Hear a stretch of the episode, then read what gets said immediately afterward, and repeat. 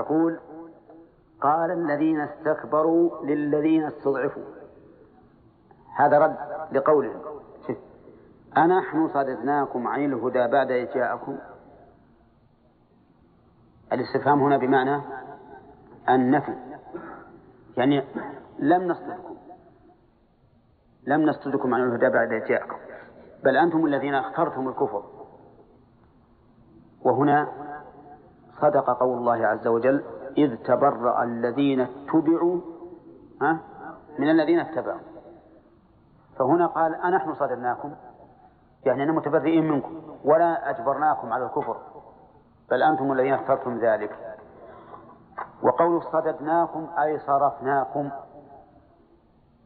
وقوله عن الهدى بعد إذ جاءكم هذا من باب تحقيق مجيء الهدى ووضوحه. وهذا إقرار من هؤلاء الرؤساء المستكبرين إقرار منهم على أن الهدى قد جاء وبان ووضح بعد إذ جاءكم. لا قال المؤلف في تقديرها لا إشارة إلى أن النفي إلى أن الاستفهام هنا ها للنفي. وكلما مر عليكم كلمة لا بعد النفي فإن ترجمتها أن المؤلف يرى أن الاستفهام للنفي كلما جاءكم لا بعد الاستفهام. فإن ترجمتها أن المؤلف يرى أن الاستفهام هنا للنفي. بل كنتم مجرمين في أنفسكم. أعوذ بالله؟ في الدنيا تجد يأتي إليه المستكبر هذا الرئيس يدعوه بلطف. نعم يدعوه بلطف تام. وفي الآخرة يلعن بعضهم بعضا. يلعن بعضهم بعضا ويتبرأ بعضهم من بعض. انظروا إلى ملك غسان لما بلغه أن النبي صلى الله عليه وسلم هاجر كعب بن مالك. وش أرسل إليه؟ أرسل إليه خطابا رقيقا لطيفا. وقال له إنه بلغنا أن صاحبك قد هجرك. فأتي إلينا نواسك. شوف التلطف. يعني نكون هناك سواء ولكن لم ينخدع كعب رضي الله عنه لإيمانه. وخاف أن ينخدع في المستقبل فماذا صنع؟ ذهب إلى إلى التنور وأوقد هذه الورقة. وهكذا كل شيء تخشى على نفسك منه في المستقبل. يجب عليك أن تتلفه لا تقل أني الآن ما يمكن أفعل هذا الشيء أبدا ولا يمكن أن أضل به. صحيح أنك في بادئ البدء قد لا لا لا لا تنخدع لكن الشيطان يعمل عمله. ولهذا يجب عليك أن تتلف كل ما تخشى أن تكون عاقبته عليك وخيمة. الحاصل أن هؤلاء في الآخرة ما يتوددون ولا يتلطفون ولا يرحمون هؤلاء الأتباع. قال بل كنت بل كنتم مجرمين. والإجرام هو الذنب الذي لا يغتفر. نعم. قال بل كنتم مجرمين.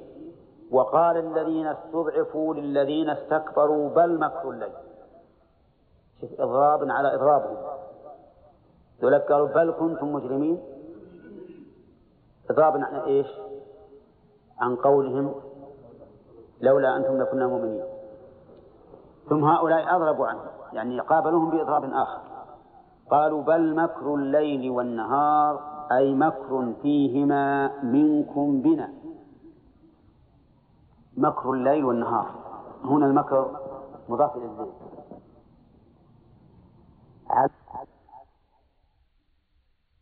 قالوا بل مكر الليل والنهار أي مكر فيهما منكم بنا. مكر الليل والنهار. هنا المكر مضاف إلى الليل. على تقدير في على تقدير في. لأن الإضافة قد تكون على تقدير من وعلى تقدير اللام وعلى تقدير في. فإن كان فإن كان الأول آه، من الثاني. يعني بأن بأن كان الثاني جنسا للأول. إذا كان الثاني جنسا للأول ها فهو على تقدير من. وإذا كان الثاني ظرفا للأول فهو على تقدير في. وما عدا ذلك فعلى تقدير الله عرفتم الضابط الآن؟ تكون الإضافة على تقدير من. إذا كان الثاني جنسا للأول. وعلى تقدير في؟ إذا كان الثاني. وعلى تقدير اللام؟ فيما عدا ذلك. فهمتم؟ خاتم حديث على تقدير من. كذا؟ ثوب خز.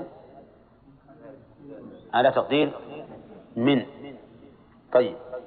في مكر الليل. مكر الليل. أي مكر في الليل.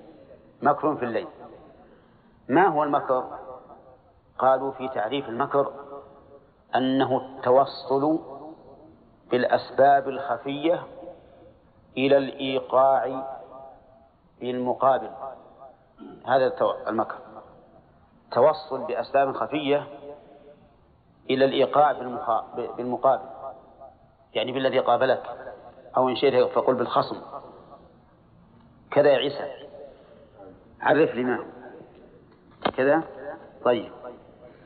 آه هذا المكر. مكر الليل. أضيف المكر هنا إلى الليل. لأنه ظرف. لأنه ظرف. والنهار كذلك.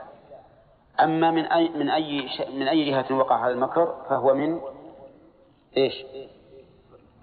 من المستكبرين. ولهذا قال مكر في الليل بنا منكم بنا منكم. يعني أنتم تمكرون بنا ليلا ونهارا. تأتون إلينا تخدعوننا. تقول مثلا محمد في كذا ومحمد في كذا ومحمد لينتصر. نعم محمد خالف آباء محمد سب آلهتنا وما أشبه ذلك. وهكذا عادة الرؤساء بالنسبة للأتباع. يأتون بهم على سبيل المكر والخداع. وزعيمهم في ذلك إبليس. حيث قاسم آدم وحواء قاسمهما إني لكما لمن الناصحين. يعني أقسم لكل واحد منهم إني لكما لمن الناصحين فدلاهما بغرور. فدلاهما بغرور. فهؤلاء الكفار المستكبرون السادة والرؤساء لا يمكن أن يخدعوا هؤلاء إلا بمكر. لماذا؟ لأن الحق مقبول لدى الفطر. ولا يمكن صد هذه هذه الفطرة إلا بماذا؟ إلا بخداع ومكر. فلهذا انتبهوا لدعوة أهل الشر والفساد. فإنهم لن يأتون إليكم يقول مثلا ازنوا. اشربوا الخمر ولكنهم يخادعون ويأتون بأسباب الزنا وطرق الزنا عن سبيل بسبيل التقدم والحرية والمساواة وما أشبه ذلك. مثلا خل المرأة تخرج بالسوق متبرجة. خلها يشارك الإنسان في العمل. دعوها تشاركه في الدراسة. دعوها تكون إلى جنبه في الكرسي. أنتم إذا جعلتم المرأة تخالط الرجل وتمشي معه. زالت الغريزة الجنسية في نفوس كل واحد منهما لأنه يكون الأمر عاديا بينهما. فجلوسه إلى جنب امرأة كجلوسه إلى جنب ذكر. لكن إذا حبستم ذلك وقلتم الرجال هنا والنساء هنا اشتاقت النفوس نفوس كل واحد منهم إلى الآخر. نعم. وحينئذ يزداد طلب الرجل للمرأة والمرأة للرجل. شوف كيف الخداع هذا. نعم. ما علموا أنهم إذا اختلطوا حصل الزنا بمجرد الاختلاط يحصل المفسدة وما حصلت الحوامل والعاهرات والفاجرات إلا بالاختلاط.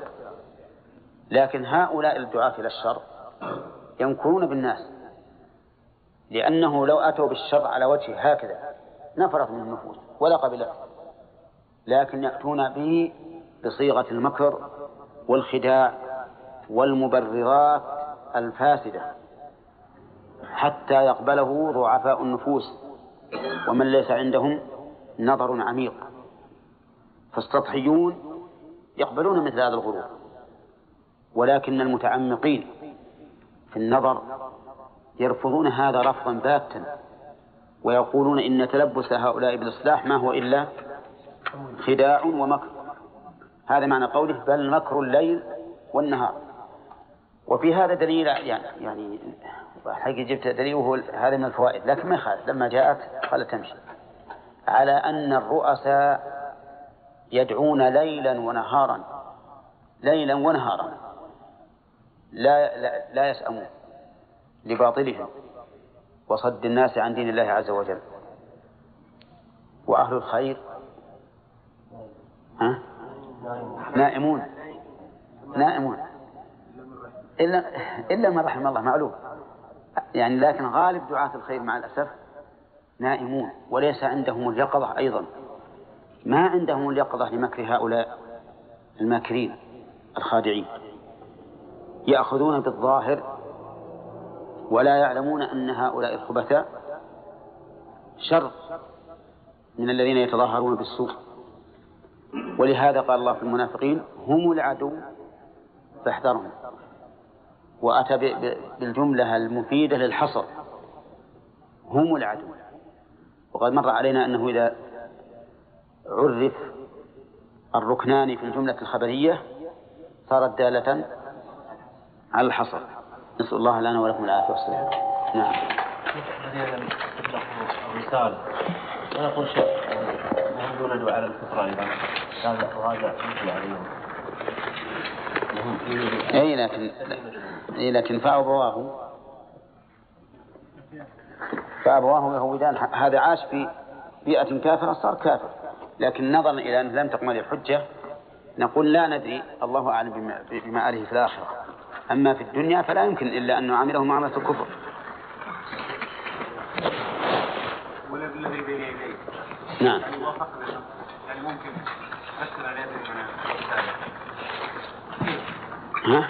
أقول كيف بين يعني لما سبق إيه لأن ما سبقك فهو, فهو بين يديك. لا. الآن ما سبق في الزمان كما سبق في المكان. ما سبقك في المكان فهو بين يديك ما في إشكال. أولا هم يقولون السبق بالزمان كالسبق في المكان. لا لا. المعنى إن لسنا ننكر ما جاء به القرآن فقط. يقولون ما ننكر هذا فقط. ننكر هذا واللي قبله. هو في الحقيقة الذي بيجي ما في كتب لكن المؤلف حامل على الكتب.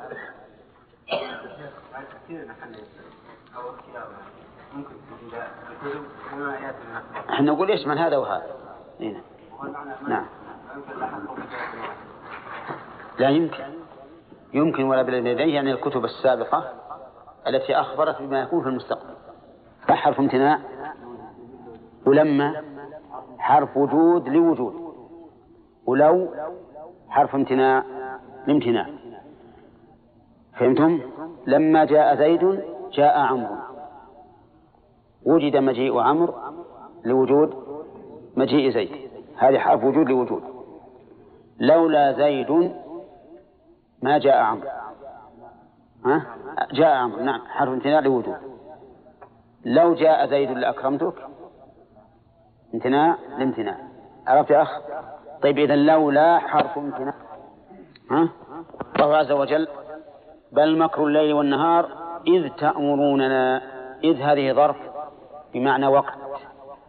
يعني وقت أمركم إيانا. تأمروننا. وانظر إلى قوله تأمروننا.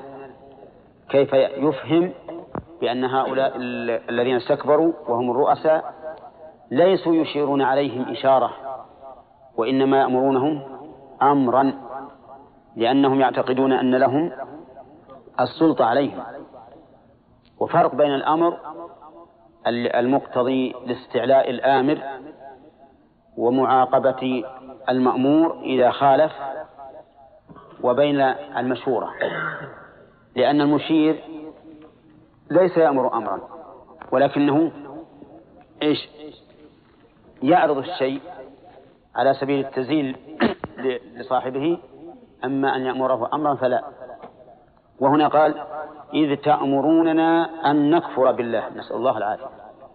هذا من أشد المنكر أن يأمر الإنسان غيره بالكفر أن نكفر بالله والكفر بالله يتضمن أو يدور على شيئين. تكذيب بالخبر واستكبار عن الطلب. الكفر يدور على هذين الأمرين. إما تكذيب بالخبر وإما استكبار عن الطلب. استكبار عن الطلب يعني ترك الأمر وفعل النهي. ومن ذلك من التكذيب بالخبر إنكار الله بالكلية. بأن لا يصدق الإنسان بوجود الله عز وجل أو لا يصدق بربوبيته أو بألوهيته أو بأسمائه وصفاته. ونجعل له أندادا أي شركاء. نجعل له أندادا أنداد جمع ند والند هو النظير. وجعل الأنداد لله شرك. ولهذا فسر المؤلف الأنداد بأنهم الشركاء. وفي قوله ونجعل له أندادا دليل على أنهم لم يكفروا بالله أي بوجوده لكن كفروا بحقوقه.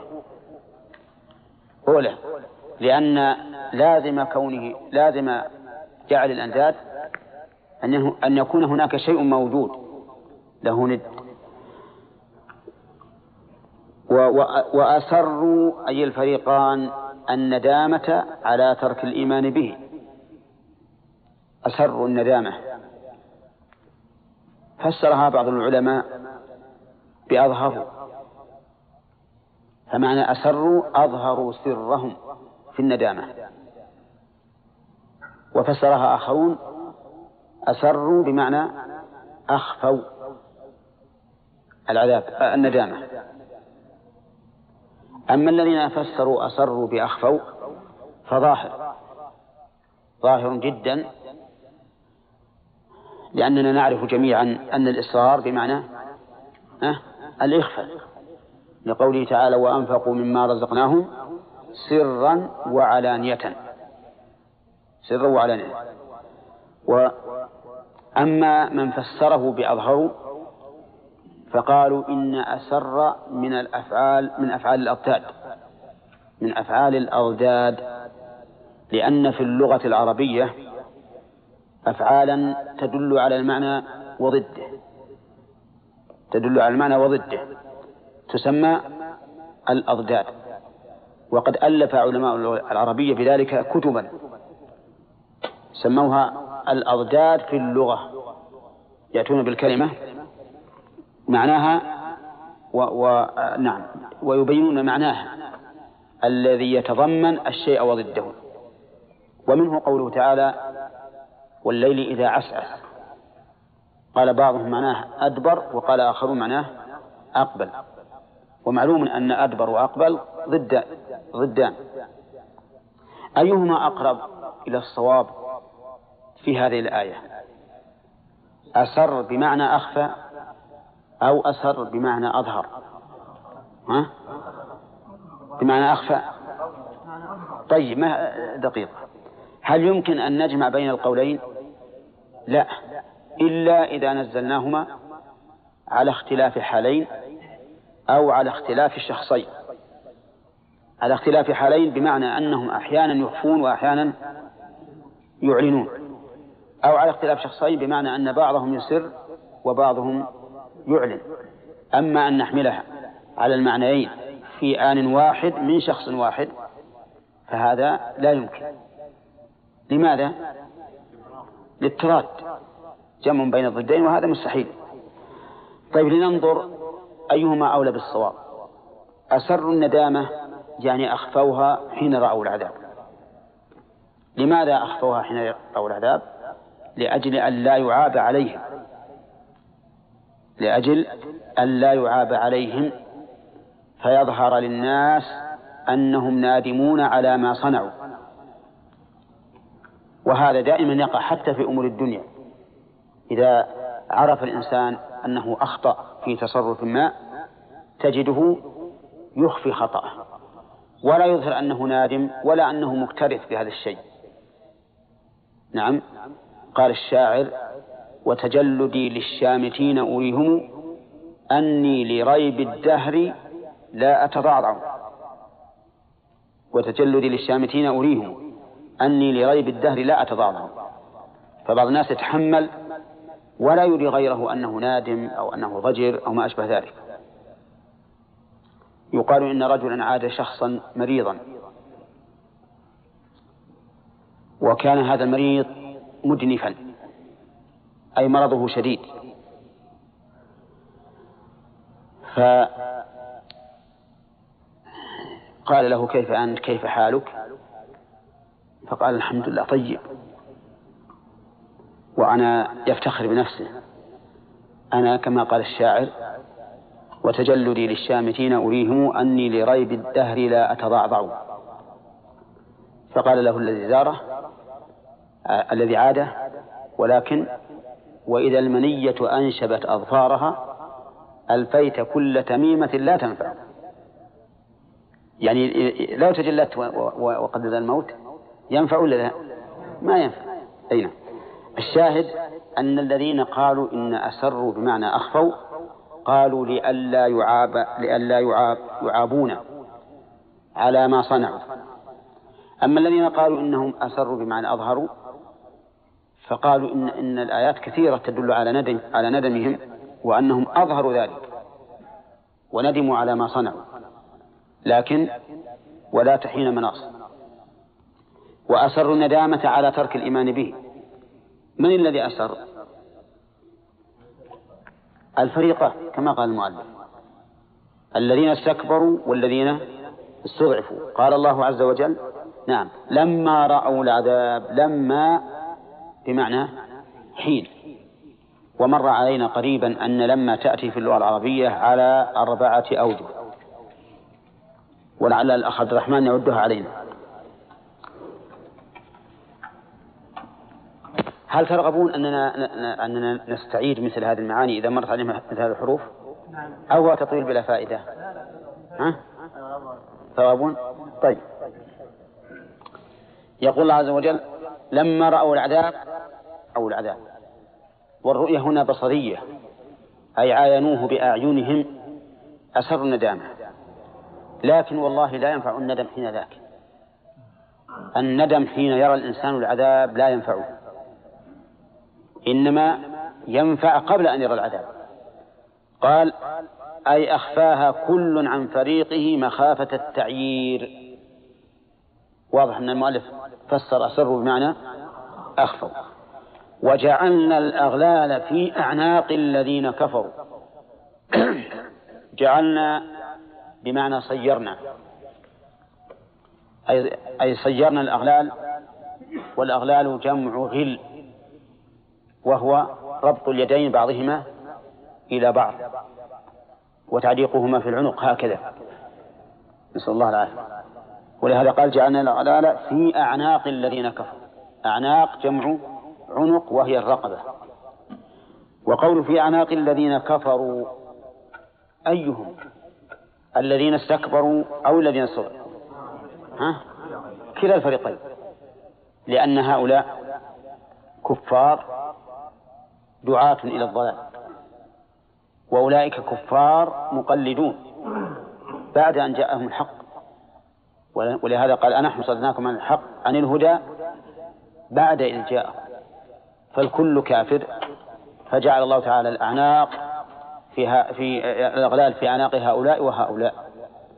هل نفعت أحدا منهم محاجته؟ ها؟ أبدا. وإنما هو من أجل إظهار العداوة بينهم. كما قال الله تبارك وتعالى عن إبراهيم قال ويوم القيامة يكفر بعضكم ببعض ويلعن بعضكم بعضا. وقال عز وجل وقال قال ادخلوا في أمم قد خلت من قبلكم من الجن والإنس في النار كلما دخلت أمة لعنت أختها فهذه حال النار حال أهل النار. يوم القيامة أعدى ولعن وسب وشتم. لكن المتقون الله يجعلنا وإياكم منهم. على العكس من ذلك. يقول الله عز وجل ونزعنا ما في صدورهم من غل إخوانا على سرر متقابلين. الأخلاء يومئذ بعضهم لبعض عدو إلا المتقين. وجعلنا الأغلال في في أعناق الذين كفروا. هل ما كيف هل ما يعني أنها بمعنى ما فالاستفهام هنا بمعنى النفي. هل يجزون إلا جزاء ما كانوا يعملون؟ يعني هل يكافئون إلا على ما عملوا فقط؟ والله عز وجل لا يظلم أحدا. الاستفهام هنا بمعنى النفي وقد مر علينا أن النفي إذا صيغ بصيغة الاستفهام كان مشربا معنى التحدي. يعني أنه لا يمكن أبدا أن يجزى أحد إلا عمل. وهنا قال إلا ما كانوا يعملون. والمؤلف أضمر محذوف قال إلا جزاء ما كانوا يعملون. وما في القرآن بلا شك أبلغ وأشد. لأنه إذا قال إلا جزاء ما كانوا يعملون فإنه قد يقول قائل إن الجزاء ربما ينقص وربما يزيد. لكن إذا قال إلا ما كانوا يعملون كأنهم يجزون بالعمل نفسه كان ذلك أبلغ في عدم أو أبلغ في امتناع الزيادة أو أو النقص. انتبه. فما في القرآن أوضح يعني أبلغ. أما أما وجه كون المؤلف يقول إلا جزاء فإنه يقول إن الذي يكون يوم القيامة ما هو العمل ما هو العمل ولكنه جزاء العمل. ولكننا نقول إن كلام الله عز وجل أفصح وأبلغ. يعني كأن العمل نفسه هو الذي يجزون به فيكون ذلك أبلغ أبلغ في العدل. إلا ما كانوا يعملون في الدنيا. كانوا يعملون في الدنيا. أفادنا المؤلف بقوله في الدنيا أفادنا أن كان هنا للماضي المحقق. وقد مر علينا أن كان قد يراد بها مجرد إيش؟ مجرد اتصاف اسمها بخبرها مثل قوله تعالى وكان الله غفورا رحيما ليس المعنى كان فيما مضى بل المعنى أنه لم يزل ولا يزال كذلك. قال الله تعالى وما أرسلنا في قرية من نذير ها؟ طيب. يقول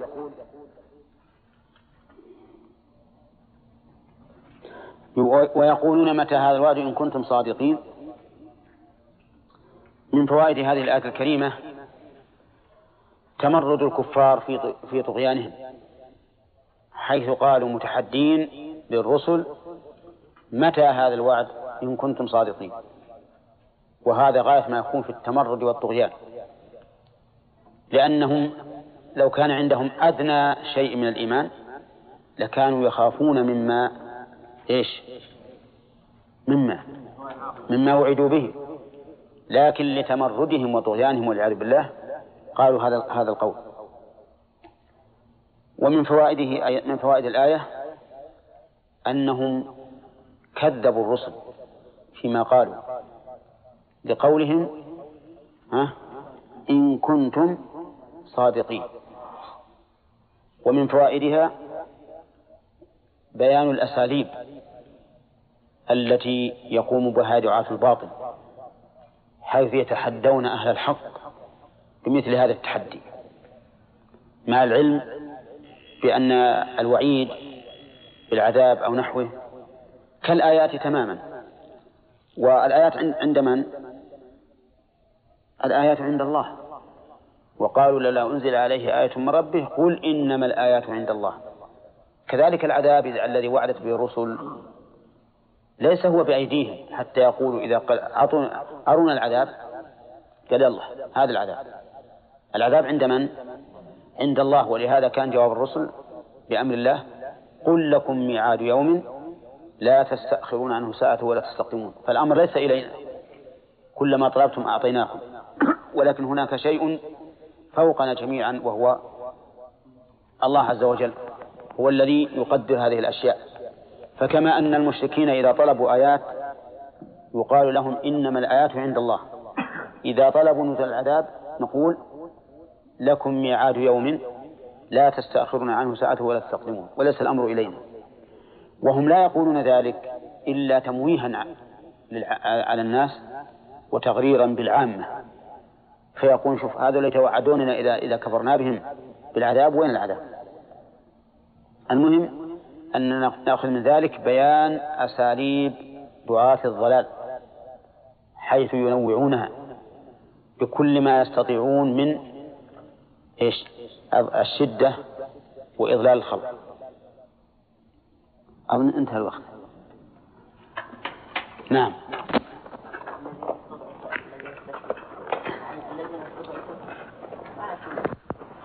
ها؟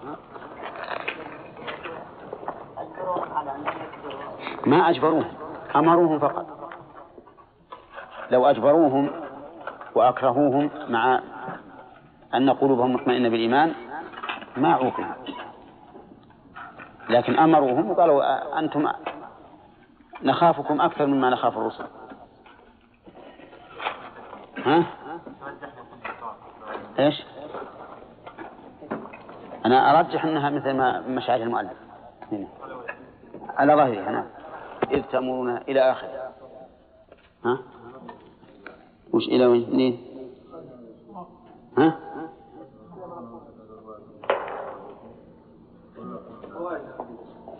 كلكم يعرف. وقال الذين كفروا. هذا مبتدأها. فلا. ويقولون متى هذا الوعد إن كنتم صادقين؟ قل لكم ميعاد يوم لا تستأخرون عنه ساعة ولا تستقدمون. في هذه الآية الكريمة بيان أن العذاب مؤقت لا يتقدم باستعجال من استعجله ولا يتأخر بطلب من يؤخر من بطلب من طلب أن يؤخر. ونظير ذلك قوله تعالى عن نوح إن أجل الله إذا جاء لا يؤخر. لو كنتم تعلمون. ومن فوائد الآية الكريمة أن أفعال الله عز وجل محررة منظمة كل شيء بأجل مقدر. وقد أشار الله إلى ذلك في قوله وكل شيء عنده بمقدار. رحمك الله. ومن فوائد الآية الكريمة إثبات الجزاء لقوله قل لكم ميعاد يوم. ثم قال تعالى وقال الذين كفروا إلى آخره. يستفاد من هذه من هذه الآية بيان عتو هؤلاء الكافرين وأنهم لم يرجوا الإيمان بل قالوا لم نؤمن بهذا القرآن ولا بالذي بين يديه. ومنها مبالغتهم في الطغيان والعدوان حيث أشاروا إلى القرآن الكريم بما يدل على التحقيق. في قولهم هذا القرآن فإن الإشارة هنا بالقريب لدنو مرتبته على زعمهم. وفيه أيضا من تمارين في الطغيان أنهم قالوا لن نؤمن به ولا بالذي بين يديه. سواء قلنا إن ما بين يديه ما أخبر به عن المستقبل أو ما سبقه من الكتب فإن هذا يدل على المبالغة في العتو والعناد. رحمك الله. قال ولو ترى إذ الظالمون في غمرات ولو ترى إذ الظالمون موقوفون عند ربهم إلى آخره في هذا بيان عظم عقوبة هؤلاء المكذبين. لأن تقدير الجواب يدل على ذلك. وقد قدرناه في في تفسيرنا بأنه بماذا؟ لرأيت أمرا عظيما أو فظيعا. ومن فوائدها أن الظلم أن الكفر ظلم. لقوله ولو ترى إذ الظالمون. لأنه قال وقال الذين كفروا ثم قال ولو ترى إذ الظالمون. ويؤيد ذلك قوله تعالى في سورة البقرة والكافرون هم الظالمون. ومن فوائدها حسن الإظهار في موضع الإضمار إذا اقتضت البلاغة ذلك. بقوله إذ الظالمون ولم يقل ولو ترى إذ هم موقوفون. وللإظهار في موضع الإضمار فوائد. منها منها إرادة العموم بحيث يشمل هؤلاء المذكورين وغيرهم وغيرهم. ومنها بيان وصف لمن يعود الضمير عليه لم يكن موجودا من قبل. يعني بمعنى التسجيل عليهم بما يقتضيه هذا الوصف. إذ أنه لو قيل ولو ترى إذ هم موقوفون ما استفدنا أن هؤلاء كانوا ظالمين. فلما قال ولو ترى إذ الظالمون سجل عليهم أنهم ظلم ومن فوائد الآية الكريمة إثبات البعث والجزاء لقوله موقوفون عند ربهم وهو أحد أركان الإيمان الستة التي لا يتم الإيمان إلا بها. ومن فوائدها إظهار الندم من هؤلاء حيث صار كل واحد منهم يحمل الأفعال السيئة على الآخر. لقوله يرجع بعضهم إلى بعض القول. ومنها أن من الفصاحة ذكر الأشياء ذكر القول مجملا ثم يفصل. أن هذا من البلاغة. لما أشرنا إليه في التفسير من أنه إذا ذكر مجملا تشوفت النفس إلى معناه. تشوفت إلى معناه والتفصيل فيه حتى يرد إليها عليكم السلام. يرد إليها وهو وهي مشتاقة إليه. ومنها إثبات الأسباب. من أين تؤخذ؟ لولا أنتم لكنا مؤمنين. وهل هذا صحيح؟ ولا غير صحيح؟ صحيح من وجه؟ وهو أنهم سبب في إضلالهم. لكنه لا عذر, لا عذر لهم فيه. لأن الله تعالى أعطاهم قدرة واختيارا وأرسل إليهم الرسل وبين لهم الحق. فنحن نقول نعم لولا هؤلاء الدعاة لكانوا مؤمنين لأن الدعوة تسلم من معارض ولكنه لا عذر لهم لأنهم باستطاعتهم أن يخالفوهم ويؤمنوا. ومن فوائد الآية الكريمة أن هؤلاء الرؤساء كانوا مستكبرين مستعلين على المرؤوسين. لقوله الذين استكبروا للذين استضعفوا. ومن فوائد ثم قال تعالى وقال الذين وقال الذين قال الذين استكبروا للذين استضعفوا أنحن صددناكم عن الهدى بعد إذ جاءكم فيها بيان تبرؤ المتبوعين من الأتباع. لقولهم أنحن صددناكم عن الهدى بعد إذ جاءكم. ويشير إلى هذا قوله تعالى في سورة البقرة إذ تبرأ الذين اتبعوا من الذين اتبعوا ورأوا العذاب وتقطعت بهم الأسباب.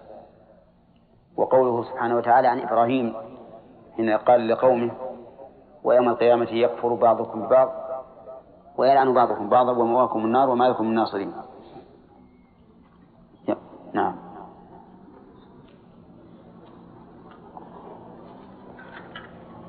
وفي الآية دليل على أن الهدى قد تبين لهؤلاء الكفار. بقوله أنحن صددناكم عن الهدى بعد إذ جاءكم. وهذا إقرار منهم واعتراف بأن الهدى قد جاء ولكنهم استحبوا العمى على الهدى. نسأل الله العافية. ومن فوائدها إثبات الإجرام لهؤلاء الأتباع من متبوعيه حيث قالوا بل كنتم مجرمين. فأنتم الذين فعلتم هذا بأنفسكم فلا تلوموننا ولوموا فلا تلومونا ولوموا أنفسكم. وهو نظير قوله تعالى وقال الشيطان لما قضي الأمر إن الله وعدكم وعد الحق ووعدتكم فأخلفتكم وما كان لي عليكم من سلطان إلا أن دعوتكم فاستجبتم لي فلا تلوموني ولوموا أنفسكم. ما أنا بمصرخكم وما أنتم بمصرخي إني كفرت بما أشركتموني من قبل. ثم قال وقال وقال الذين استضعفوا للذين استكبروا بل مكر الليل والنهار إذ تمرنا فيه دليل في الآية نعم من فوائد الآية من فوائد الآية أن هؤلاء الرؤساء كانوا يدعون بل يأمرون هؤلاء الضعفاء ليلا ونهارا. لقولهم بل مكر الليل والنهار. ومن فوائدها أيضا أن هؤلاء المتبوعين يتوصلون إلى أتباعهم بالمكر والخداع حيث قالوا بل مكر الليل والنهار. فهم يمكرون بهم حيث يوحي بعضهم إلى بعض زخرف القول غرورا. وإلا فهم يعلمون أنهم مخ... أنهم بمخالفتهم للرسل على باطل. ومن فوائد الآية الكريمة أن الشرك كفر. كقول أن نكفر بالله ونجعل له أندادا. وليس كل كفر شركا. فكل شرك كفر وليس كل كفر شركا. ومن فوائدها أن هؤلاء الرؤساء قد فرضوا سيطرتهم وسلطانهم على هؤلاء الأتباع فرضا لا محيد لهم عنه كقولهم إذ تأمروننا أن نكفر بالله. فهم عندما يدعونهم ليس يقولون مثلا إن الكفر حسن وإن اتخاذ الشركاء حسن وما أشبه ذلك بل يقولون نعم. اكفروا. اكفروا. لأن الأمر كما مر علينا هو طلب الفعل على وجه السلام. طيب ومن فوائد الآية الكريمة تحريم الند لله عز وجل أي تحريم جعل الند لله سبحانه وتعالى. لأنهم لأن قولهم إذ تأمرون أن نكفر بالله ونجعله أندادا يعتبر ذكرا لأسباب العذاب. ولا شك فيه. ولكن الشرك كما تعلمون أنواع. شرك أكبر مخرج عن الملة وشرك أصغر لا يخرج وشرك خفي لا يبين وشرك ظاهر. شرك ظاهر بين وشرك خفي لا يبين. ثم الخفاء والظهور قد يكون باعتبار ظهوره للناس. وقد يكون باعتبار ظهور كونه شركا. يعني يخفى على الإنسان أنه شرك أو أنه يخفى على الناس أن هذا الرجل مشرك. فالرياء مثلا يخفى على الناس ولا لا؟ لأن محله القلب وهو لا يعلم ولا يعلم به إلا الله سبحانه وتعالى. والحلف بغير الله ممن اعتاده هذا خفي. ليس من حيث ظهور الناس لأن الناس يسمعونه ولكن من حيث ظهور حكمه. فإن كثيرا من الناس ولا سيما من اعتاد الحلف بغير الله يظنون أن هذا أن الحلف بغير الله ليس به ليس به بأس.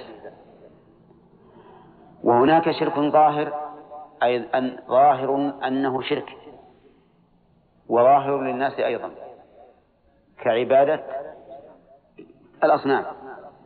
فإن عبادة الأصنام كلنا يعرف أنها شرك.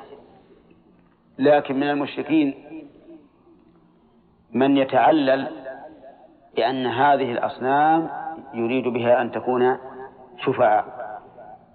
لا أنها هي نفسها لا أنها هي نفسها تنفع أو تضر. ومن فوائد الآية الكريمة أن الندم عند رؤية العذاب لا ينفع. لقوله وأسروا الندامة لما رأوا العذاب وجعلنا الأغلال في أعناق الذين كفروا. فلم ينتفعوا بإظهار الندامة ولا ولا بإصرارها في نفوسهم أيضا. أما الندم قبل رؤية العذاب فهو توبة. إذا أصلح العمل تاب الله عليه. ومن فوائد الآية الكريمة أن من جملة ما يعذب به هؤلاء أن أن أيديهم تغل في أعناقهم. وجعلنا الأغلال في أعناق الذين كفروا. ومن فوائد الآية الكريمة بلاغة القرآن حيث يدل على المعنى باختصار ووضوح. فهنا قال وجعلنا الأغلال في أعناق الذين كفروا ولم يقل الذين استضعفوا أو الذين استكبروا بل قال الذين كفروا ليعمهم ويعم غيرهم أيضا ممن كان كافرا. ومن فوائدها أي من فوائد الآية أن الله عز وجل لا يظلم أحدا. لقوله هل يجزون إلا ما كانوا يعملون. ومنها أي من فوائدها أن الجزاء من جنس العمل. في فيجازى الإنسان بمثل عمله تماما. وقد بين الله تعالى في, في آيات أخرى أن الحسنة بعشر أمثالها إلى سبعمائة ضعف وأن السيئة لا يجزى الإنسان إلا مثلها فقط. من بين كانت ويا زياد ما في أحد؟ واخروه يتقدم به واحد. ثم قال الله عز وجل وما أرسلنا في قرية من نذير إلا قال مترفوها رؤساؤها المنعمون إنا بما أرسلتم به كافرون. قول وما أرسلنا في قرية المراد بالقرية البلد. سواء كان كبيرا أم صغيرا. لأنه مأخوذ من الجمع. فالقرية سميت بقرية سميت قرية لأنها تجمع الناس.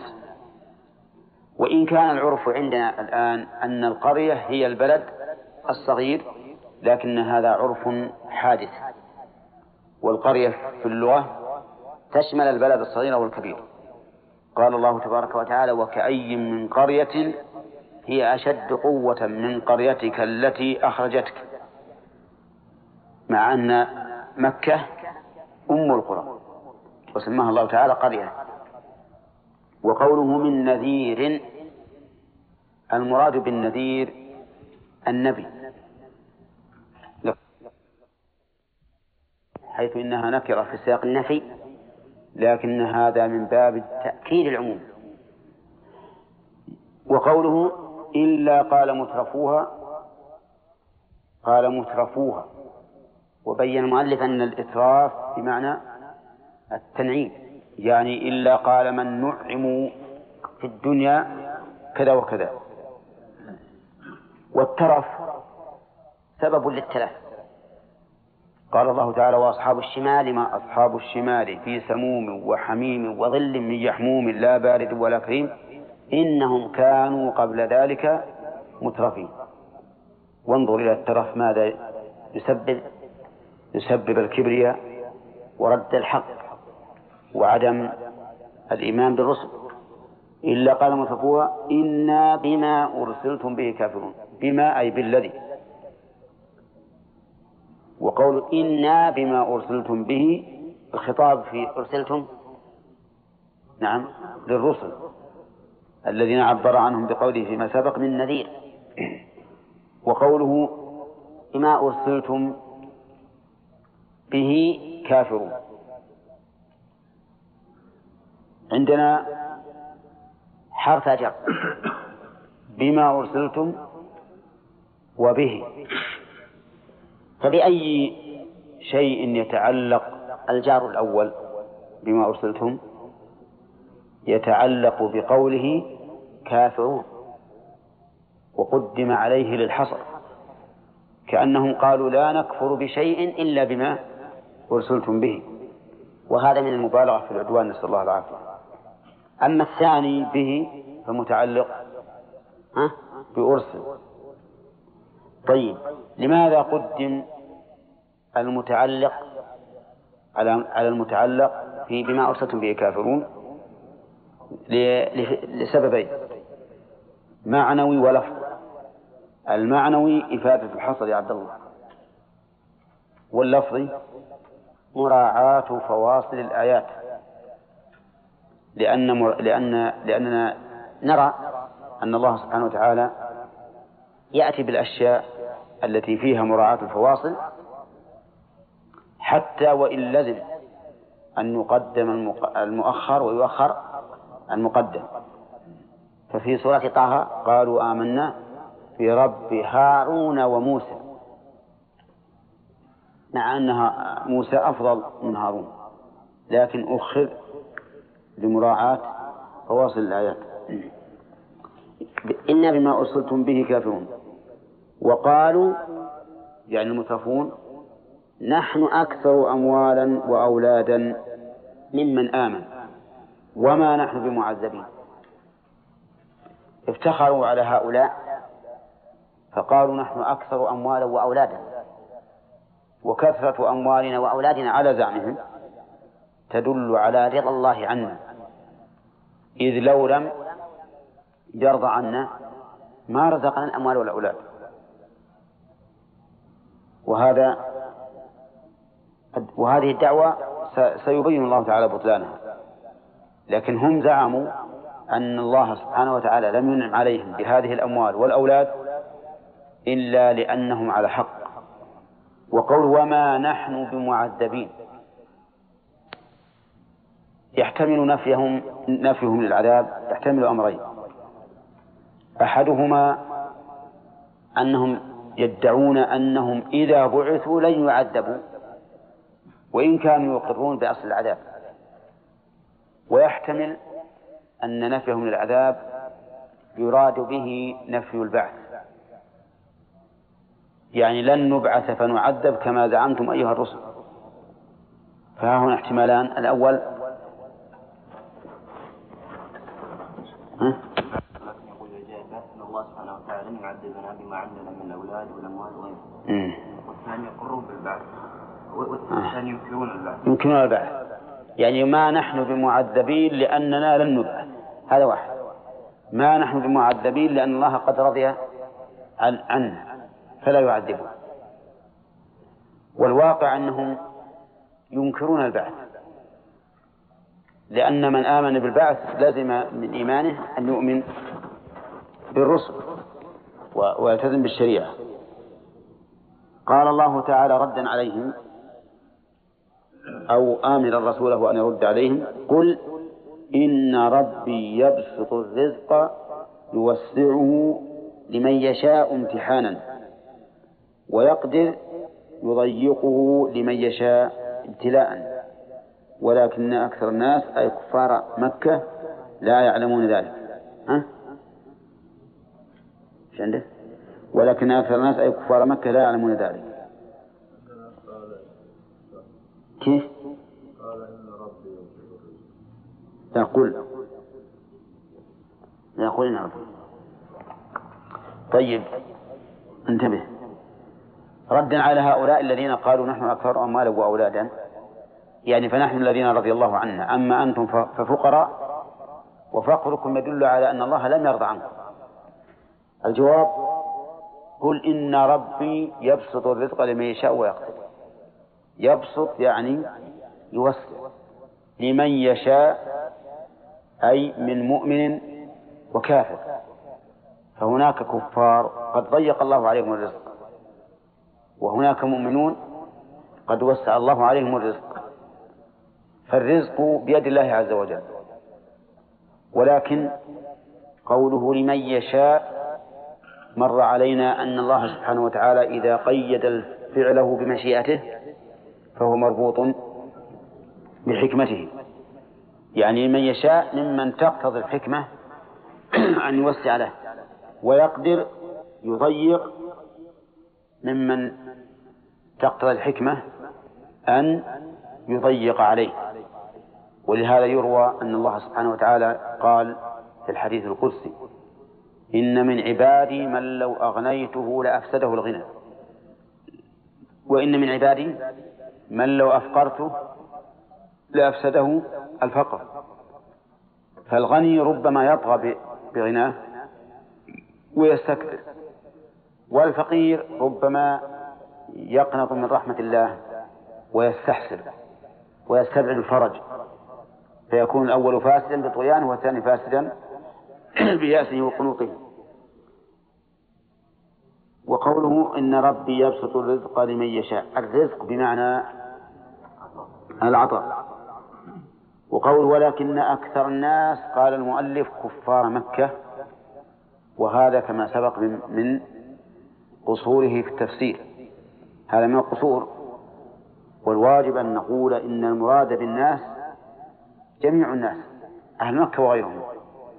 وقول أكثر الناس لا يعلمون لا يعلمون أن أن الأمر بيد الله من حيث توسيع الرزق وتضييقه. وقول أكثر الناس لم يقل كل الناس.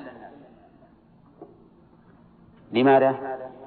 لأن المؤمنين يعلمون ما لله سبحانه وتعالى من الحكم في بسط الرزق وتقديره. ثم قال الله تعالى وما أموالكم ولا أولادكم بالتي تقربكم عندنا زلفى قربى. أي تقريبا. قوله وما أموالكم ما نافية. وهل هي حجازية أو لا؟ ها؟ حجازية لأن أموال اسمها وبالتي خبرها. إذا فالمبتدأ والخبر موجودان فتكون حجازية. والباء في قوله بالتي زائدة لفظا لا معنى. وهي خبر ما. أي ما أموالكم أيها المفتخرون بها حيث قلتم نحن أكثر أموالا وأولادا. ما أموالكم بالتي تقربكم عندنا زلفى؟ ما الذي يقرب عند الله؟ الأعمال الصالحة. أما الأموال فإنها قد تكون ضرر على الإنسان. فليست هي التي تقرب إلى الله. مجرد المال لا يقرب إلى الله عز وجل. قال المؤلف زلفى قرب أي تقريبا. فأفادنا بهذا التقدير رحمه الله. أن زلفى مفعول مطلق لتقرب لأن التقريب بمعنى الزلفى فهو إذن مفعول مطلق. ولا نقول إنه مصدر لأنه مخالف لعامله في الاشتقاق فتقرب من قرب وزلفى من ازدلف بمعنى قرب. فالمعنى أن هذه الأموال والأولاد لا تقربكم تقريبا إلى الله عز وجل. ويحتمل أن المعنى لا لا لا تقرب بالتي تقربكم أي تدنيكم منا. والمعنى من حيث العموم سواء. بالتي تقربكم عندنا زلفى لكن يختلف الإعراب فإنه على المعنى الثاني تكون تكون زلفى مفعولا به. مفعولا به لا مفعولا مطلقا. إلا من آمن قال المؤلف لكن إشارة إلى أن الاستثناء هنا منقطع ووجهه أن الكاف في قوله وما أموالكم ولا أولادكم تعود على الكافرين. ومن آمن وعمل صالحا فليس من الكافرين. والمستثنى إذا كان من غير جنس المستثنى منه فهو منقطع عبد الرحمن. وش نظيره؟ أو وش مثاله في الأمور المحسوسة؟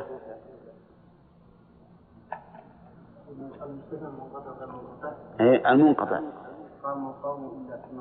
نعم.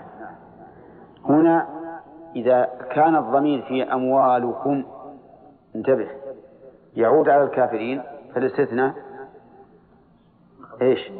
منقطع قطعا ليش؟ لأن من آمن وعمل صالحا ليس من من الكافرين وإذا جعلنا الخطاب في قوله وما أموالكم عائدا على جميع الناس المخاطبين صار الاستثناء متصلا. وقوله إلا من آمن وعمل, وعمل صالحا. يعني فإن من آمن وعمل صالحا تقربه أمواله وأولاده إلى الله. لأنه يعمل فيها بطاعة الله.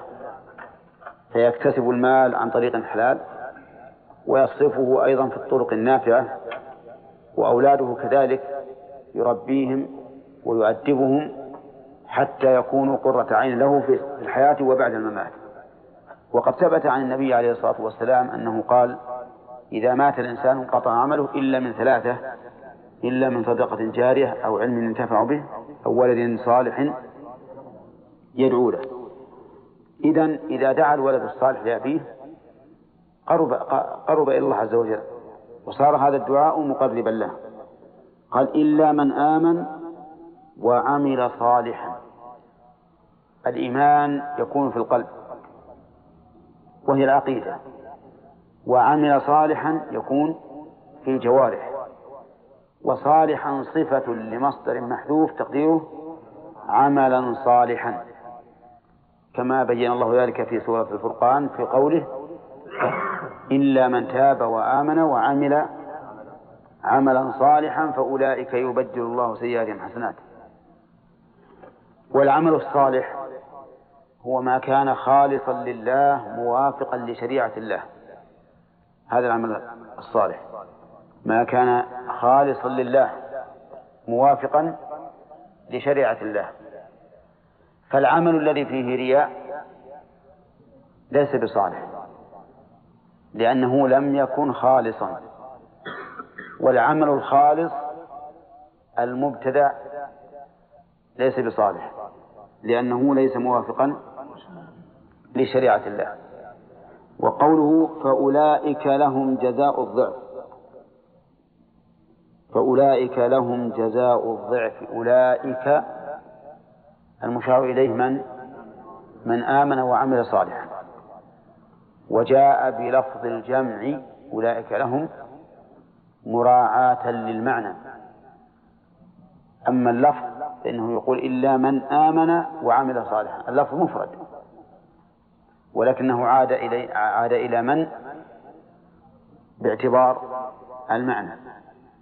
وقد سبق مرارا وتكرارا أنه يجوز في من وما وما أشبهها. يجوز فيه مراعاة المعنى ومراعاة اللفظ. ففي مراعاة المعنى نأتي بالإشارة أو بالضمير مجموعا. وفي مراعاة اللفظ نأتي به مفردا. وربما نأتي مرة بمراعاة اللفظ ومرة بمراعاة المعنى ومرة بمراعاة اللفظ في سياق واحد.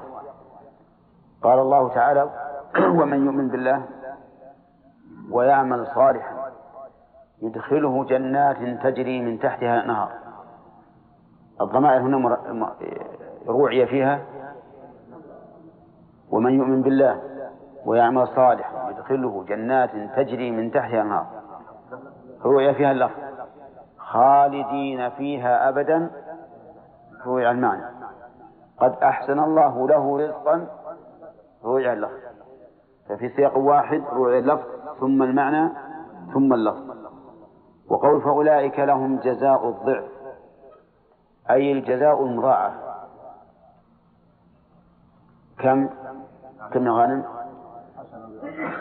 الحسنة بعشر أمثالها إلى سبعمائة ضعف إلى أضعاف كثيرة. وقوله بما عملوا ما يحتمل أن تكون مصدرية وأن تكون موصولة. فإن كانت موصولة فعائدها محذوف. والتقدير بما عملوه. وإن كانت مصدرية فلا حاجة إلى عائد ويكون التقدير بما عملوا أي بعملهم. والباء هنا للسببية. الباء هنا للسببية لأن النبي صلى الله عليه وسلم قال لن يدخل أحد الجنة بعمله قالوا ولا أنت يا رسول الله؟ قال ولا أنا إلا أن يتغمدني الله برحمته. وهنا قال جزاء الضعف بما عمل. ولا منافاة. لأن الباء في قوله صلى الله عليه وسلم لا يدخل الجنة أحد بعمله باء المعاوضة التي هي كقولك بعت هذا الثوب بدينار. وأما الباء في قوله بما عملوا فهي باء السببية. باء السببية. أي أن الله جعل العمل سببا لدخول الجنة ولم يجعل الجنة عوضا عن العمل. بل العمل سببها. وقوله وهم في الغرفات قال المؤلف بما عملوا أي جزاء العمل. الحسنة بعشر الحسنة مثلا بعشر فأكثر. وهم في الغرفات من الجنة آمنون من الموت وغيره. وفي قراءة الغرفة في قراءة سبعية ولا شاذة؟ سبعية. لأن قاعدة المؤلف رحمه الله أنه إذا قال في قراءة فهي سبعية وإذا قال قرئ فهي شاذة. القراءة الآن في الغرفة وفي الغرفات. ولكن الغرفة بمعنى بمعنى الجمع.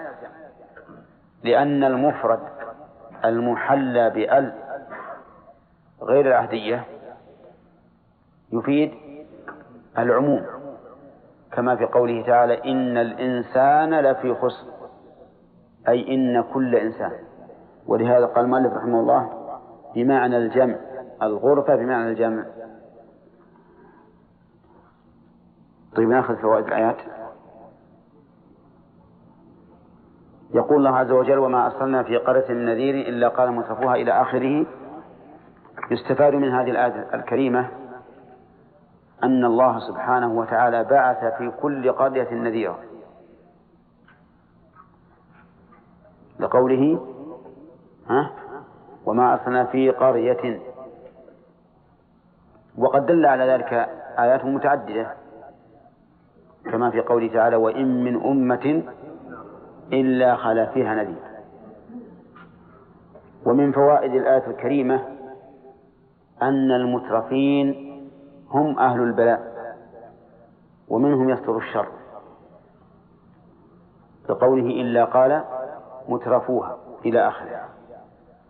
ومنها التحذير من من الترف. حيث كان حيث كان الترف سببا للشر والبلاء والكفر. وقد قال النبي عليه الصلاة والسلام فيما رواه أبو داود قال كان النبي صلى الله عليه وسلم ينهى عن كثرة الإرفاه ويأمرنا بالاحتفاء أحيانا. يعني هو ما ينهى عن عن الرفاهية مطلقا ولكن عن كثرتها. ويأمر بالاحتفاء. إيش معنى الاحتفاء؟ أن نمشي حفاة أحيانا. طيب. ومن فوائد الآية الكريمة أن الله سبحانه وتعالى قد أعذر إلى خلقه في إرسال الرسل. لقوله وما أرسلنا في قرية من نذير.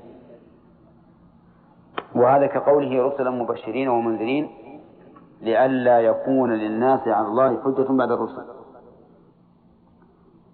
ومن فوائد الآية وقاحة هؤلاء المترفين من وجهين. أولا أنهم قالوا بكل صراحة إنا بما أرسلتم به كافرون. ثانيا أنهم أكدوا هذا الكفر. بقولهم إن وإن للتوكيد. ثالثا أنهم قدموا المفعول. مفعول الكفر. وهو قوله بما أرسلتم. كأنهم يقولون للرسل إننا لا نكفر بشيء سوى ما أرسلتم به. لأن المعروف أن التقديم المعمول يفيد الحصر. ومن فوائد الآية الكريمة أن تكذيب هؤلاء المترفين كان مع إقرارهم بأن هؤلاء رسل. حيث قالوا إنا بما أرسلتم. فإن قلت أفلا يمكن أن يكون قولهم إنا بما أرسلتم يعني على زعمكم فالجواب أن الأصل في الكلام الحقيقة وأنهم وأنهم وأن هذا إقرار منهم بأنهم أرسلوا. ولا غرو أن يقوم أن يقوم الكافر بالكفر المبني على العناد والاستكبار. ثم قال تعالى وقالوا نحن أكثر أموالا وأولادا وما نحن معذبين. من فوائد هذه الآية أن هؤلاء المترفين افتخروا بما أعطاهم الله عز وجل من كثرة الأموال والأولاد ومن فوائدها أن الإنسان قد يغتر بالنعمة فيبقى على معصيته كيف ذلك؟ لأنهم قالوا نحن نحن أكثر أموالا وأولادا فقد رضي الله عنا ولكن هذا ليس ليس دليل على رضا الله سبحانه وتعالى عنهم. ومن فوائدها أن هؤلاء الكفار زعموا بدعواهم أن الذي أعطاهم نعيم الدنيا سوف يعطيهم نعيم الآخرة. لقوله ها؟ لقوله تعالى وما نحن بمعذبين. وانظر إلى قوله تعالى في آخر فصلت حين حين ذكر أن الله تعالى إذا أعطى الإنسان رحمة من الله ونعمة يقول هذا لي وما أظن الساعة قائمة. إيش بعد؟ ولئن رجعت إلى ربي إن لي عنده للحسنى. فهذا نظير هذه الآية. يقول نحن أكثر أموالا وأولادا وإن رجعنا إلى الله فإننا لن نعذب. وهذا على أحد الاحتمالين والاحتمال الثاني أن قولهم وما, وما نحن بمعذبين أي أننا لن نبعث ونعذب. ثم قال تعالى قل إن ربي يبسط الرزق لمن يشاء ويقدر إلى آخره. في هذا إثبات المشيئة لله؟ لقوله لمن يشاء. وإثبات الأفعال الاختيارية لقوله يبسط ويقدر. وفيها أيضا أن كثرة المال والولد لا يدل على الرضا وإنما هو تابع لماذا؟ لمشيئة الله. ومنها الحكمة العظيمة البالغة في اختلاف الناس في سعة الرزق وضيقه. لولا ذلك ما قامت مصالح الخلق.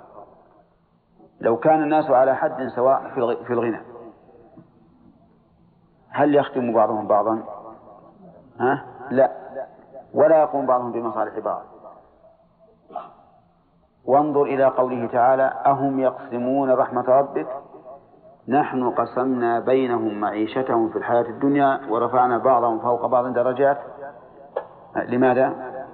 ليتخذ بعضهم بعضا سخريا. ولولا هذا الاختلاف من بسط الرزق وسعته ما حصلت هذه الفائدة العظيمة وهو تسخير الناس بعضهم لبعض. ومن فوائد الآية الكريمة أن أكثر الناس جهال بحكمة الله عز وجل في أفعاله. لقوله ولكن أكثر الناس لا يعلمون. ثم قال وما أموالكم ولا أولادكم بالتي تقربكم عندنا زلفى إلا من تاب. ها؟ إلا من آمن. في هذه الآية دليل على أن كثرة الأموال والأولاد لا تستلزم القرب إلى الله. فإن من الناس من يكون كثير المال والولد وهو من أبعد الناس عن الله ومن الناس من يكون قليل المال والولد وهو من أقرب الناس إلى الله. فهذا النبي عليه الصلاة والسلام هل هو أكثر الناس أموالا وأولادا؟ ها؟ ومع ذلك فهو أقرب الناس إلى الله. وهذا الرجل الذي افتخر بماله وولده وقال لأوتين مالا وولدا. أفرأيت الذي كفر بآياتنا؟ وقال لأوتين مالا وولدا. إذا آتاه الله المال والولد فإنه لا ينفعه. قال الله تعالى ذرني ومن خلقت وحيدا وجعلت له مالا ممدودا وبنين شهودا ومهدت له تمهيدا ثم يطمع أن أزيد كلا إنه كان لآياتنا عنيدا سأرهقه صعودا إنه فكر وقدر إلى أن قال سأصليه سقر. فالأموال والأولاد لا تقرب إلى الله. ومن فوائدها أن المؤمن الذي يعمل الصالحات فإن أمواله وأولاده إيش؟ تقربه إلى الله. تقربه إلى الله عز وجل. لأنه يكتسبها من حلال ويصرفها فيما يرضي الله عز وجل فيكون منتفعا بها. والأولاد كذلك يقوم عليهم بالتربية والتعليم وغير ذلك من مصالحهم فينتفع بذلك عند الله. ولهذا قال إلا من آمن وعمل صالحا. ومن فوائد الآية الكريمة أن الجزاء على الإيمان والعمل الصالح مضاعف. لقوله فأولئك لهم جزاء الضعف بما عملوا. ومن فوائدها إثبات الأسباب.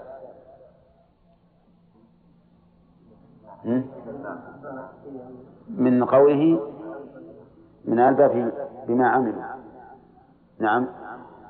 و ومن فوائدها أن منازل الجنة عالية. هذا قوله وهم في الغرفات والغرفة المنزل العالي أما الذي في الأرض فيسمى حجرة لا يسمى غرفة فالمنازل فوق غرف والمنازل تحت حجر طيب ومن فوائدها أن من دخل الجنة فهو آمن آمن منين؟ من كل مخوف آمن من الموت من المرض من انقطاع النعيم من فساد الثمار من كل شيء. وهم في الغرفات آمنون والله أعلم. نعم. ها؟ إي نعم. ومن أضل ممن اتخذ إلهه هواه. من يدعو. ها؟ أفرأيت من اتخذ؟ أفرأيت من اتخذ إله هواه نعم. مشرك ولا اشرك هواه بالله سبحانه لا هذا هذا الشرك العام المعنى العام في الشرك كل عاص فهو مشرك. لكن مراد من الشرك الخاص. فمثل عبادة الصنم شرك خاص. فهو كافر. لكن من جحد واستكبر فهو غير مشرك. ما عبد صنما مع الله ولا أشرك به معه لكنه كافر. ما عبد بس يقول هذا المعنى العام ما هو هذا المراد إذا قالوا شرك وكفر ما ما يعني المعنى العام. وإلا المعنى العام حتى الذي يفسق بالمعصية يعتبر مشركا بهذا المعنى. نعم. نعم.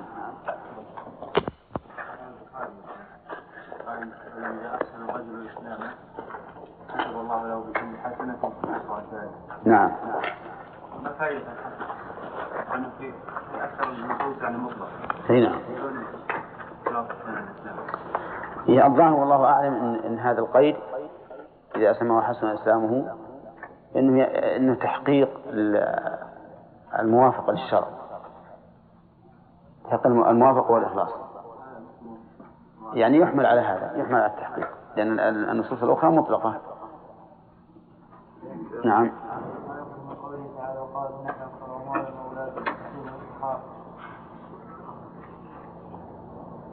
الافتخار بالمال والولد؟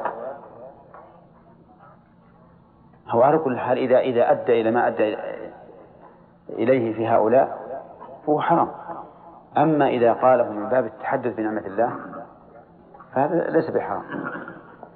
وإلا في الأصل الأصل أنه في في باب المناظرة أنه للمفاخرة.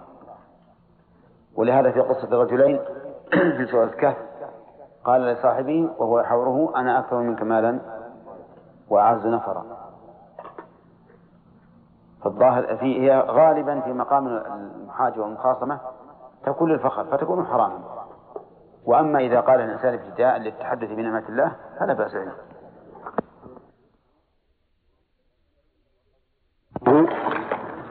جملة قوله أولئك في العذاب محضرون. وقوله معاجزين. منصوبة على أنها حال من فاعل يسعون. وقوله في العذاب متعلق بمحضرون. وقدم عليه من, أجل مراعاة الفواصل. يعني آخر الآيات. هذا هو إعراب المشكل في هذه الآية أو إعراب ما ينبغي أن يعرب يقول الله تعالى والذين يسعون في آياتنا معاجزين أولئك في العذاب محضرون. لما ذكر جزاء المؤمنين ذكر جزاء غيره لأن القرآن مثاني تثنى فيه المعاني. فإذا ذكر الثواب ذكر العقاب وإذا ذكر المؤمن ذكر الكافر. و وذلك لأن لا تسأم النفس إذا بقيت في موضوع واحد ولأجل أن يكون الإنسان عند تلاوة القرآن دائرا بين الخوف والرجاء. ومعلوم لنا جميعا أن الموضوع إذا كان واحدا فإن النفس تمله وتسأم منه فإذا نوع صار في ذلك تنشيط لها. تقدم هنا يعني سد الخلل. نعم. قال والذين يسعون في آياتنا قال المؤلف القرآن بالإبطال. يسعون السعي يطلق على مجرد الحركة ويطلق على الركض بشدة. ففي قوله تعالى يا أيها الذين آمنوا إذا نودي للصلاة من يوم الجمعة فاسعوا إلى ذكر الله. المراد بذلك مطلق الحركة وليس المراد أن تركض. وإذا قلت يسعى في في الطواف بين الصفا والمروة يسعى بين العالمين. فالمراد بذلك الركض. هنا يسعون في آياتنا يحتمل أن يكون المراد بذلك مطلق الحركة ويحتمل أن أن يراد به الحركة بشدة وإقدام.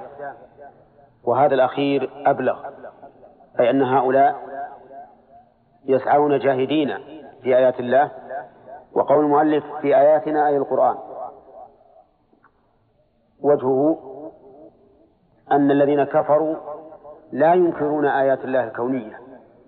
وإنما ينكرون آيات الله الشرعية على أنهم أحيانا يطلبون آيات كونية تعجيزا للرسول صلى الله عليه وسلم كما حكى الله عنهم في قوله وقالوا لن نؤمن لك حتى تفجر لنا من الأرض ينبوعا أو تكون لك جنة من نخيل وعنب فتفجر الأنهار خلالها تفجيرا أو تسقط السماء كما زعمت علينا كسفا أو تأتي بالله والملائكة قبيلا. أو يكون لك بيت من زخرف أو ترقى في السماء. ولن نؤمن لرقيك حتى تنزل علينا كتابا نقرأه. قل سبحان ربي هل كنت إلا بشر رسولا. كم آية طلبوها من الآيات الكونية هنا؟ ومع ذلك قال الله تعالى قل سبحان ربي يعني تنزيها له أن يبعث رسولا بدون آيات يؤمن على مثل البشر. وما أنا إلا بشر رسول. فالمهم أن الآيات هنا خصها المؤلف بالآيات الشرعية وقال إن المراد بها القرآن ويحتمل أن يراد بها الآيات الكونية أن يراد بها الآيات الكونية والآيات الشرعية جميعا. لأن هؤلاء كما يعاجزون في القرآن يعاجزون أيضا في الآيات الكونية. وكان القرآن آية من آيات الله لاشتماله على ما يعجز عليه البشر. بل إن الله عز وجل تحدى البشر وغيرهم. قل لئن اجتمعت الإنس والجن على أن يأتوا بمثل هذا القرآن لا يأتون بمثله ولو كان بعضهم لبعض ظهيرا. وقال تعالى وقالوا لا أنزل عليه آيات من ربه قل إنما الآيات عند الله وإنما أنا نذير مبين أولم يكفهم أنا أنزلنا عليك الكتاب يتلى عليهم. نعم. قال والذين يسعون في آياتنا معاجزين. معاجزين لنا. مقدرين عجزنا. لأنهم يفوتوننا. وأنهم يفوتوننا. معاجزين المعاجز هو الطالب لإعجاز غيره. فهي عاجزه مثل قاتله. فالمعنى أنهم يعاجزون الله أي يطلبون على زعمهم ما به العجز. ولهذا قال المؤلف رحمه الله أي مقدرين عجزنا وأنهم يفوتوننا. هؤلاء الذين فعلوا ذلك يعاجزون الله ويطلبون ما به عجز عجزه على زعمهم ويقولون اللهم إن كان هذا هو الحق من عندك نعم فأمطر علينا حجارة من السماء أو ائتنا بعذاب عليم هذا تعجيز لله عز وجل. لكن الله سبحانه وتعالى حكيم. لا يجيبهم إلى ما, ما أرادوا. بل هو يجعل هذه الأمور حسب ما تقتضي الحكمة. قال المؤلف أولئك قال الله تعالى أولئك في العذاب محضرون. قلت لكم قبل قليل إن هذه الجملة هي خبر إيش؟ الذين يسعون. فخبر المبتدأ الآن جملة خبرية. وقوله أولئك في العذاب محضرون أي محضرون في العذاب في نفس العذاب. لا إليه بل يحضرون حتى يوقعوا في نفس العذاب والعذاب بمعنى العقوبة والنكال. وهذا خبر يراد به التهديد. لا مجرد أن, أن نعلم بأن هؤلاء سيحضرون في العذاب ويعذبون بل المراد تهديد